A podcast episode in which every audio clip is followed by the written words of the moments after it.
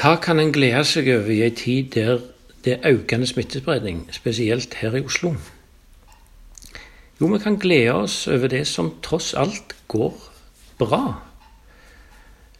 For to uker siden så arrangerte vi et utsatt regionårsmøte, og vi samla over 100 mennesker til et møte midt i Oslo by i en tid der det var økende smittespredning. Vi var veldig spent. Vil dette gå bra? Og det gjorde det.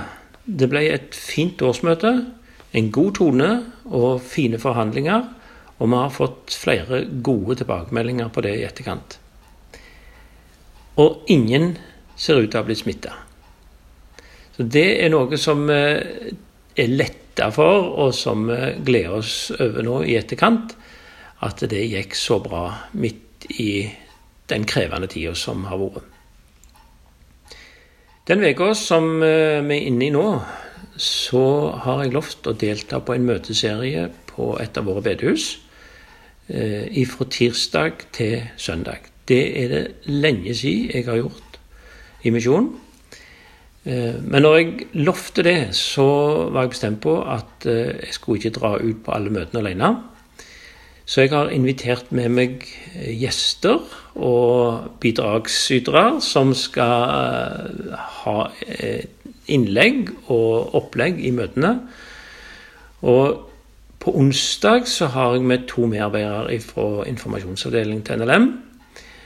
Eh, de driver med innsamling og misjonsprosjekter.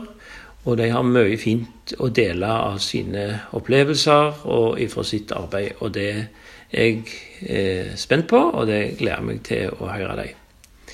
På torsdag så skal jeg ha med eh, fem-seks eh, mannfolk som er med og synger i ei gruppe her i Ytre Enebakk. Den er jeg med i sjøl. Eh, og de skal få være med og delta med korte andakter, hilsener, vitnesbyrd innimellom sangene. På søndag så skal jeg ha med en misjonær som er kommet hjem fra Kina ganske nylig. Og det òg eh, gleder jeg meg til.